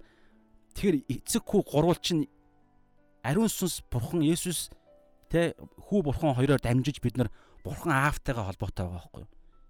Хөрстөөгөө байгалийн тогтолцоотойгоо. Энэ л хамгийн чухал. Тэгвэл хүсснээрээ бид нар бид нар үнэхээр гангаа харагдах болно. Тэгээд ирэхээр энэ дэлхийн ертөнцийн хувцсаар дамжуулан ноёрхож байгаа энэ боолчлол чинь нурж эхэлнэ гэсэн үг. Ямар ч байсан гэсэн миний дотор нэгдүгээр хоёрдугаарт эргэн тойрны ч юм уу дэлхийн ертөнц тэр чигээрээ энэ боломжгүй угаасаа эцсийн цаг үеуд өөр зүйл яригдана. Гэхдээ энэ өөр зүйл ярьж байгаа. Та гэж ярьж байгаа. Бидний амьдрал. За тэгээд дүгнэлт нь бүгдээрээ 31 32-ыг харъя. Би бол энийг дүгнэлт гэж харсан юм. Тэгээд аа яг саяны ярьсан одоо энэ хэрэгцээнд дээрх тэгээ энэ санаа зов бити зов гэдэг энэ хилээд байгаа энэ сургаал энэ мэрэгэн ухааны дүгнэлт нь за бүгдээрээ харъя. Тимээс За одоо сая ярьсан шүү дээ тий. Ингиж ингэж байна. Одоо та бараг хичих хэрэгтэй байна. Жижигхэн өвс мүүс ганцхан өдөр амьдрал яах өвсч хүртэл та нарын ганган хувцалж байгаа тэр бүр амьдралынхаа зорилгоо болгоод байгаа тэр юмнаас чи хамаагүй л ганган харагдана, гангаа харагдаж байна гэж ярина. Ярьж штэ. Тэгэхээр энийг та нар ойлгож байгаа бол тиймээс юу идэх вүлээ? Нөгөө шууд шиг шуудыг ярьсан те. Юу идэх вүлээ, юу уух вүлээ те шууд. Тэгээд эсвэл юу өмсөх вүлээ нөгөө цэцэгс нөгөө өвс гэж бүү санаа зовоо. Одоо энэ дээр хардаг 32-ыг харъя. Харийнхан энэ бүх зүйлийг чармаан хайдаг үлээ. За одоо харийнхан гэдэг нь хэн бэ? Тэнг харин тэнгэрлэг эцэг чинь та нарт энэ бүхэн хэрэгтэйг мэддэг юм аа. За одоо бүгдээр харъя. За идэж уух, өмсөж зүүх зүүхтэй санаа бүү зогоо сая хэлсэн, дүгнэлтэд хэлсэн. Тэгээд тардаа бурхан одоо энэ харийнхан 32-ийн А хэсэг дээрх та энэ үгийг бод уншаарай харин харийнхан энэ бүх зүйлийг чармаан хайдаг үлээ. Харийнхан гэж хин бэ? Түрүү ярьсан. Маммон бурхан бол миний зүрхний эзэн тэ 23 дөрүүдээр байгаачлан тэ та нар бурхан бурхан ба эд баялаг хоёр зэрэг үйлчилж чадахгүй. Миний амьдрал амьдралын чинь эзэн эд баялаг бол та харийнхан болж хуурж байгаа байхгүй. Миний амьдралын эзэн Есүс бишээ гэж хэлж байгаа бол та харийн хүн болж байгаа буюу бид бурхан аавын үрчлэлийн ариун үрчлэлийн ариун сүнсийг аваад бурхны хүүгүүд огтуд ханхуу гүнжнэр болоогүй хүмүүсийг энд хилж байгаа харийнхан гэдэг чинь. Түүнээсээ үндэст үндэстэн юус яриаггүй юдэ үндэстэн хятад үндэстэн солонгос америк гэж яриаггүй. Тэр хүн өөрөө бурхантайгаа бурхан аавтайгаа холбогдож тэр хүнийг хараад бурхан би бол чиний аав чинь тиймээс бүү санаа зов идэж уух хэрэгцээгээр чинь би хангана гэж хэлэх тийм дотны харилцаанд ороогүй хүмүүсийг хэлж байгаа харийнхан. Тэгэхээр одоо асуулт байна Бурхан таны аав мөн үү? Бурхан таны аав мөн үү? Одоо энэ саяны олон ярьсан юм дээр таны амьдрал дээр чинь та түүнийг ааваа болгож түүнийг та тэр аавынхаа нөмөр нөөлгөөр та амьдарж гин үү? үгүй байна уу те? Харийнхан харийн хүн биш үү гэсэн асуулт 32 яагаад дэр. За тэгээд хэрүү таны хэрүү та харийн хүн биш Тэнгэрийн хаанчлалын хүн болсон бол Тэнгэрлэг эцэг чинь та нарт энэ бүхэн хэрэгтэйг мэдж байгаа. Мэдээ мэдээ зогсохгүй хангах тэр хангамжийн тогтолцоо та нар аль хэзээ ороод ирчихсэн. Аль хэзээ та нар одоо тэр одоо тэ нөгөө нэг бараа түгээгч те тэр тогтолцоогоор ярих юм бол тэр гэрээгээ байгуулчихсан. Үйлдвэрээс та нарын танаа дэлгүүр рүү бараа ингэж шилжүүлэх гэрээгээ та нар байгуулчихсан гэсэн санаа хэллэгээр бол аль эзийнэ бид нар холбоогоо тогтооцсон. Холбоо харилцаа, уялдаа холбоо гэдэг шиг. Тэгэхээр энийг бид нар бодох хэрэгтэй байна. За тэгэнгүүтлээ одоо өнөөдрийн хэсгийн хэрэгжүүлэлт өнөөдрийн хэсгийн инглиштэй бити санаа зовоо энэ бүх зүйл чинь ингэж яана гэж байна. Харин тэгвэл бидний бодох ёстой зүйл юу вэ? За санаа зовох гэж хэлэхгүй. Санаа тавих гэдэг юм уу те бидний хийх ёстой зүйл юу вэ? Хийхгүй зүйлийг хэлчлээ эзэн. Бити санаа зовоо гэд хэлчлээ. Зүгээр л та нар хийдэг юмаа хийгээл эзэндээ итгэл уйлд эзэндээ эзэмдүүлэл ариун сүнсэндээ эзэмдүүлэл байгалийн тогтолцоог хараад байгалийн тогтолцоон дундаа байгалыг бүтээсэн бурхны би хүүгүүд октод болсон гэдгээ өв залгамжлагч болсон гэдгээ ойлгоол энэ байгалийн нөөц тогтолцооноосоо буюу одоо энэ амлалтуудаасаа үр шимээ хүртэл яв бити санаа зов гэдэг хийхгүй юм хэлжлээ. Одоо хийх зүйлийг хэлнэ. Бүгдээ харъя. 33-ыг уншия. За энэ дээр хараа бидний хэрэгжүүлэлт байгаа бидний хийх юм байгаа. Тэгээ бидний хийх зүйлээс шалтгаалж бурхны амлалт байгаа. Бурхны хийх зүйлс. Аа за одоо бүгдээр 33-ыг уншия л да. Гагцгүй харин одоо хараа харин гэд гол зүйлийг нэг чухал зүйл хэлэх гэж байна. Харин та нар юу хийх яг жинхэнэ санаа тавьж бодогч бодлоо эзэмдүүлэх ёстой зүйл чи юу вэ гэхлээр санаа зоох тэр хуц мууц. Би миний үнцийг гангарах ямар брэнд өмсөх хүмүүс юу заамаа байхгүй Тэнгүүтлээ те би ингээ хөдөлмөрлөөд байгаа мөртлөө надад мөнгө би үлсүүл яанаа мана тийм байхгүй. Бурхан энэ тогтолцоог чинь бурхан бүтээсэн. Та хийх ёстой зүйл хийж байгаа цагт угаасаа орж ирнэ. Харин бодох ёстой зүйл байна. Тэр нь юу вэ? Гагцхүү эхлээд эхлээд шүү. Энэ одоо тэр янз янз санаа зов зүрхний чинь зүрхний чинь эзэн болоод байгаа түүн мамон биш те. Эзэн болоод байгаа бидний ингэж оюун санааг эзэмдэж байгаа тэр зүйл чинь хамгийн эхлээд юу байх ёстой вэ гэхлээр хоёр зүйлийг хэлж байна. Бурхны хаанчлал. Бурхны хаанчлал түүний зөвхт байдал шүү. Бүх орчуулгууд орчуулгууд дээрээ болон 2004 оны Библиэд Монгол Библи дээрээ уг нь түүний гэж зөв байгаа боловч 2013 дээр яг а зүгээр зөвхт яг бурхны хаанчлал баа гэд яг бурхны хаанчлал ба бурхны зөвхт байдал гэдэг үг байх л да. Гэхдээ уг нь энэ дээр түүний ч юм уу бурхныг гэд оруулсан бол тий ямар ч үсэн гэсэн тийм санаа байгаа шүү. Хамгийн гол нь миний зөвхт байдал биш шүү бурхны зөвхт байдал шүү. Гэхдээ энэ бурхны зөвхт тэгээ энэ дээр би заримдаа бас буруу ойлгоод заримдаа бас буруу ярьсан тохиолдол байдаг байсан юм билээ санахлаар. Бурхны хаанчлалыг бодоод тэгээд би өөрөө зөвхт байх тал дээр ингэж бодъё гэсэн санаа яваад яваад байдаг гэж би ойлгодог байсан. Гэтэл энэ дээр болохоор бурхны зөвхт байдлыг хайхтун гэсэн үг байгаа байхгүй юу? Яг үүн дээр Библийнхаа эхэл дээр. Тэгэхээр ардаа бидний хайх ёстой. Нөгөө шувуу үүрээсээ гараад нисэн штэ. Хайж ийн. Түүнээсээр нэг юм бий болгоод нэг юм санаа зовголтоороо нэг юм бий болгоод ингээд би л энийг хийхгүй бол аа надаас өөр миний төлөө явах хүн байхгүй дээр хүч байхгүй. Юм чинь би л хийгээд ингэх биш. Зүгээр миний дээр нэг байгалийн тогтолцоо бурхан тэ нэг юм одоо биднийх бол бурхан аав байгаа. Зүгээр трийг нь би олж авъя. Гэ хайгаа явж байгаа. Буюу бодлоо ингэж зориулна цаг заваа зориулна гэхдээ тэр нь тодорхой шүү найдваргүй биш найдвартай аль эзэн надад өгөгдөн гэхдээ надаас хийх зүйл бол тэрийг хайгаа тэрний төлөө явах эн чинь нөгөө хөдөлмөрлөх гэдэг зүйл байхгүй буюу байхгүй биш харин ч байгаа гэсэн санаа энд байгаа шүү. Тэгэхээр бидний эхлээд хайх зүйл маань юу гэхлээр Бурхны хаанчлал тий Матай 5-ын 3 дээр юу гэж байгаа вэ? Би байнга ярьж байгаа. Сүнсэндээ ядуу ядуу хүмүүс ерөөлтэй Тэнгэрийн хаанчлал тэднийх гээд 9 ерөөлтэй буюу 9 итгэлийн амьдралын хандлага бидний төлөв байдлын хамгийн ихэнд нь юу вэ? Сүнсэндээ ядуу хүмүүс ерөөлтөе. Тэнгэрийн хаанчлал буюу Бурхны хаанчлал тэднийх гэсэн байгаа байхгүй. Тэгэхээр бид нар энийг хамгийн гол зүйл бол юу гэхээр ариун сүнсээр явахыг хайна гэсэн санаа бол. Гэтэ олон юм байгаа шүү. Гэтэ хамгийн одоо одоо түрүү ярьж байгаа тэр судас нь бол юу вэ гэхээр эхлээд Бурхны хаанчлалыг хайх тун гэдэг бол эхлээд бид нар үргэлж сүнсээр явахыг хайх гэсэн санаа. Дотор байгаа мэдрэмжээ сүнсээр мэдрэхийг хичээх. Тэ? Тэгээд түүний зөвхт байдал, бурхны зөвхт байдал гэж байгаа. Бурхны зөвхт байдал хинээр дамжуулж ирж байгаа. Есүс Христээр дамжуулж ирсэн шүү дээ. Есүс Христ зөвхт байсан учраас түүний сүнсээр түүнд итгэснээрээ түүний үгийг идэж бид бид нэг болсноороо түүний дотор л бид зөвхт болсон байхгүй. Тэгэхээр Есүс Христийг л бид нар бас хайна гэсэн үг. Есүс Христ юу үйлдсэн, энэ дэлхий дээр яах гэж ирсэн, хэрхэн даруй байсан, даруй байхад нь хэрхэн түүнийг өргөмжилсэн ингээд Есүс Христтэй холбогдлолтой тэр бүх зүйлийг бид нар хайна гэсэн үг. Нөгөө Библи судлал те нөхөрлөл дээрээ бид нар ярилцах тэгээд амьдралынхаа яг амьдрал дээрээ бид нар яг шийдвэр гаргах ч гэдэг юм уу. Энэ хоёр зүйл байна. Бурхны тэр хаанчлал руу бид яаж орсон юм? Тэ ариун сүнсээр дамжуулан тэгээ Бурхны хаанчлалын зорилго гэж байгаа шүү дээ. Олон талтай ойлголт шүү. Тэгэхээр энэ хоёр зүйлийг хай. Тэгвэл тэгвэл энэ бүхнийг гэдэг чинь нөгөө яриадсэн зүйлс. Анхан шатны хэрэгцээ дээр нь нэмээ за нэр алдаргаа хэлчихье. Нэр алдаргаа хэлчихье. Тэр гоё хувцлах гэдэг ойлголтын дээр бол. Тэгэхээр анхан шатны хэрэгцээг эзэн угаасаа мэдж байгаа түрүү энэ дээр байсан шүү дээ. Та нарт юу хэрэгтэйг чинь би угаасаа мэдж байгаа. Эцэг чинь та нарт юу энэ бүхэн хэрэгтэйг мэддэг юм аа. Харин та нар харийнхан нь? Тэнгэрлэг эцэг буу эцэг чинь буюу Тэнгэрлэг эцгийн хүүхдүүд болсон уу гэдгээл та бодоорой.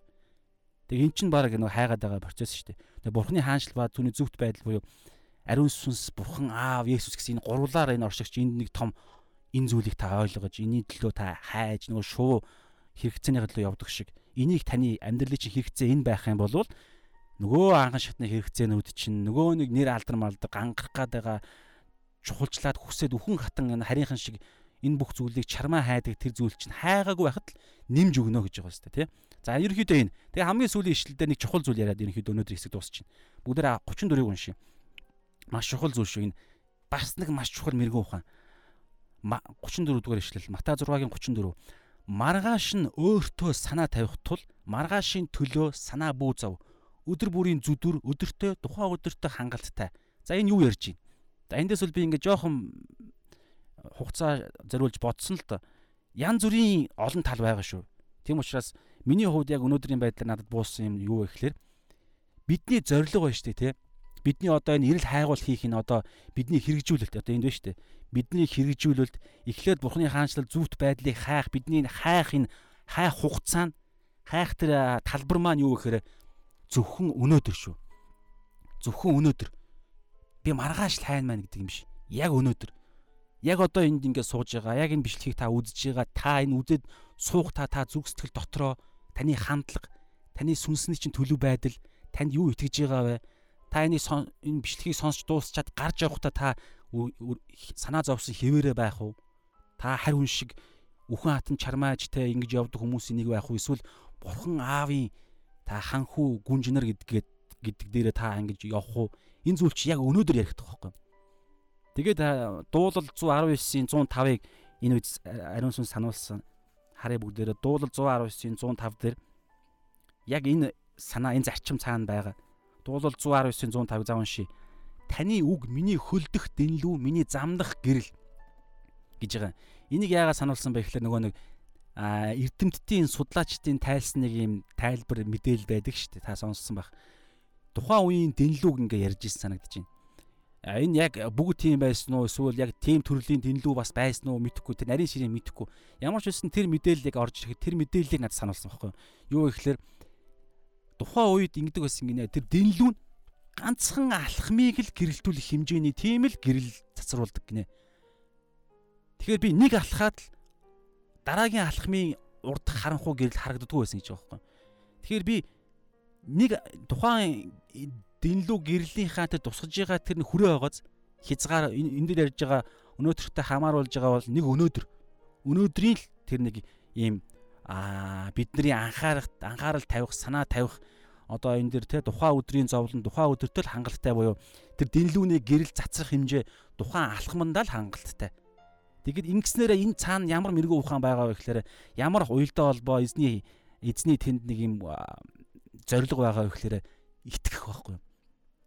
Бас маргаашийг маргаашд даатах буюу маргааш энэ тогтолцоо үргэлжилнэ гэсэн итгэл байж болно. Эсвэл маргаашийг эзэн өөрөө бэлдэж байгаа ч юм уу те өөр танд юу байж болох вэ? Яг энэ зарчим чинь маргааш ч гэсэн үнэн хിവэрэ байх болно ч гэдэг юм уу те. Эсвэл өнөөдөр энэ авсан зарчмаараа би маргааш амьдрна. Ер нь маргаашийн төлөө бити санаа зовлох гэсэн санаа. Яагаад вэ гэхээр а санаа зовлт те а те энэ дээр санаа зовох гэж байгаа байлоо. За би хараах юм хамгийн сүүлийн ишлэн штэ 6-гийн therefore те don't worry. Тэгээ бас л санаа зовох бид өнөөдөртөө өнөөдөртөө л бид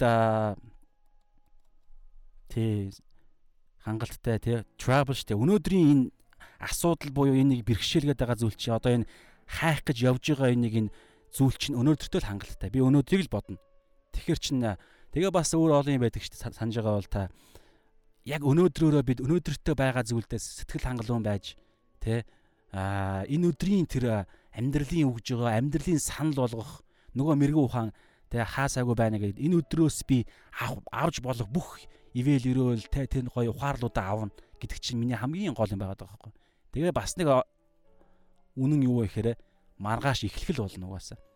Маргааш эхлэхгүй бол би өнөөдөр хийх ёстой юм хийцэн учраас харамсахгүй шүү дээ. Өнөөдөр би унтаад өглөө сэрэхгүй эзнийхаа гэрт сэрлээ гэж бодоход би өнөөдөртөө хийх юм хийсэн. Харин би харин би за би маргааш л хийнэ гэж бодоод явж илаа гэж бодоход би өнөөдөр хүчих юм бол тэнгэр уст очлоо гэж бодоход өө уг нь хий гэж бодож исэн юм За гэж харамсан шүү дээ. Тэгэхээр магадгүй ийм бас ярьж байгаа шүү. Магадгүй биш яг энийг бас хэлж байгааз гэх мэтчлэн энэ зарчим байгаа шүү. Алхам малхамаар урагшлах.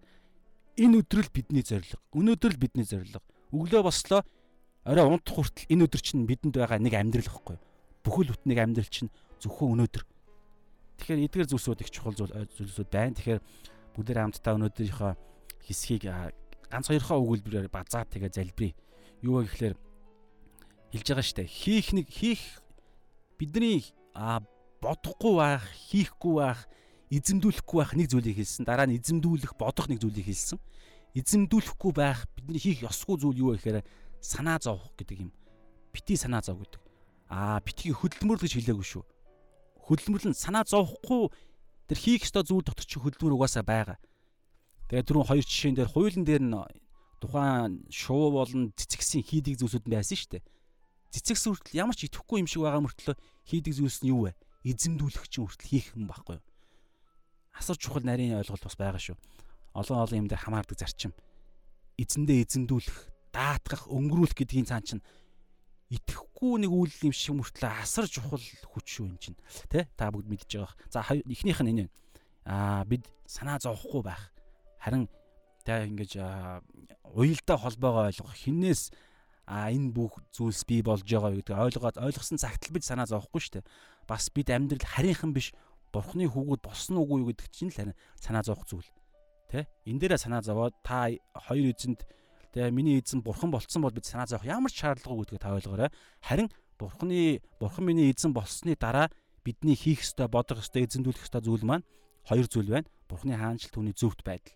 Тэгээд энэ санаа зовох санаа тавих энэ бодох энэ зүйл маань нэг өдрөл энэ өдрөл би энийг хамгийн бэйс дээр хийн гэсэн энэ ингээл болоо маргааш маргааш тэр үед мэдхгүй маргааш чинь мэдхгүй зүйл штэ маргааш маргааштай гэсэн санаа шүү ингэж энд чи өөртөө ихтгэл байгаа шүү за бүгдээр хамтаа яг залбирая те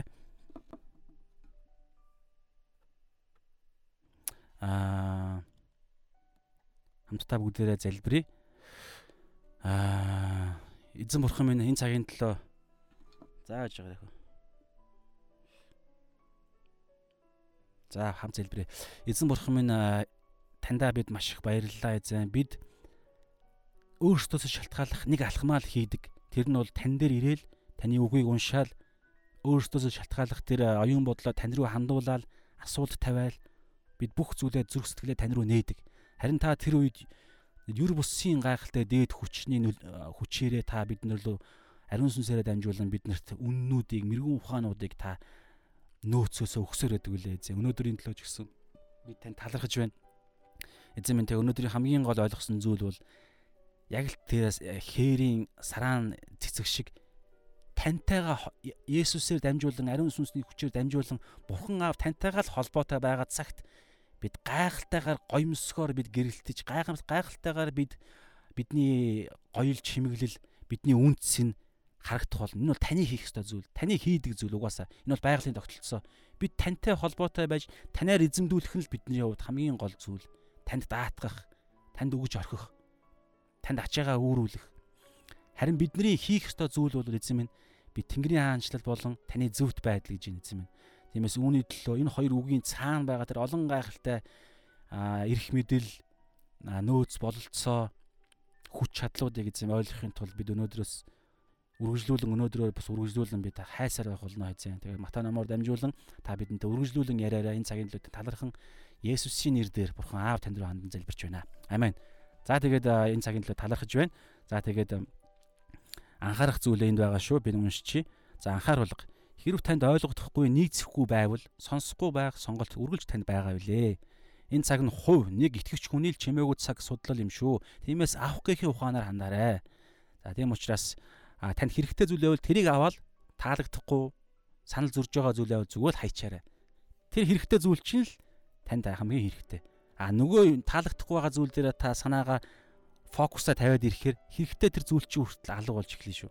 Тэгэхээр бүгдээр хамтдаа гол зүйлдээ л өргөж анхаарал тавьж явцгаая. За шалом.